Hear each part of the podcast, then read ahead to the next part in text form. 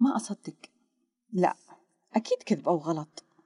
ما صدق كلمات صدرت لا شعوريا حينما سمعت خبرا مفجعا. لا أصدق. ببساطة أنكرت أن الأمر وقع حتى أنجو من الصدمة. قام بها عقلي دون تردد حتى يستطيع التعامل مع حجم الصدمة.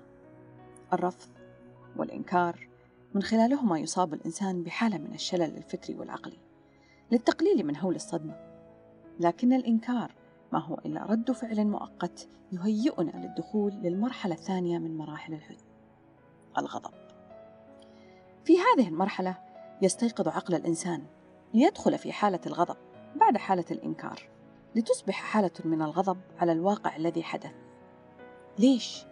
ليش يصير كذا؟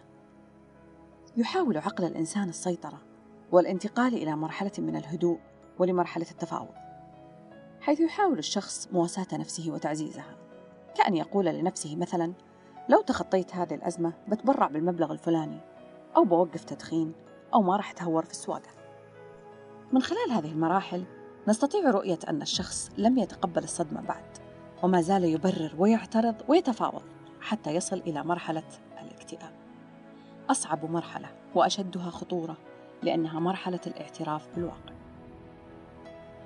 يدخل في حالة من الاستسلام والإحباط.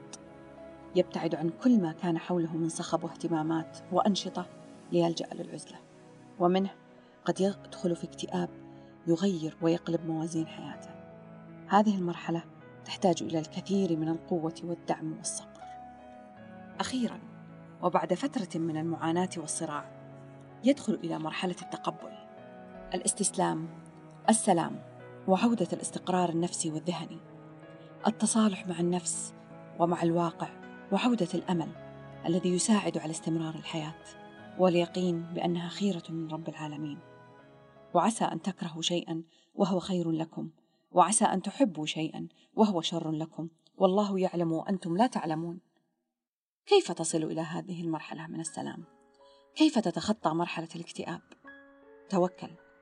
أحسن الظن بالخالق المدبر. أحسن ظنك.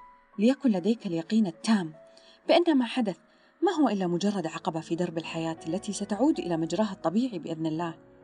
قد يأخذ الأمر وقتا وجهدا. قد يستهلك منك صحتك ونفسك ولكن ستعود بإذن الله تعالى. توكل على الله وتقرب منه بالدعاء وليكن لديك اليقين المطلق بما وعد الله عباده من سعة الكرم والرحمة. وإذا سألك عبادي عني فإني قريب أجيب دعوة الداعي إذا دعاني فليستجيبوا لي وليؤمنوا بي لعلهم يرشدون.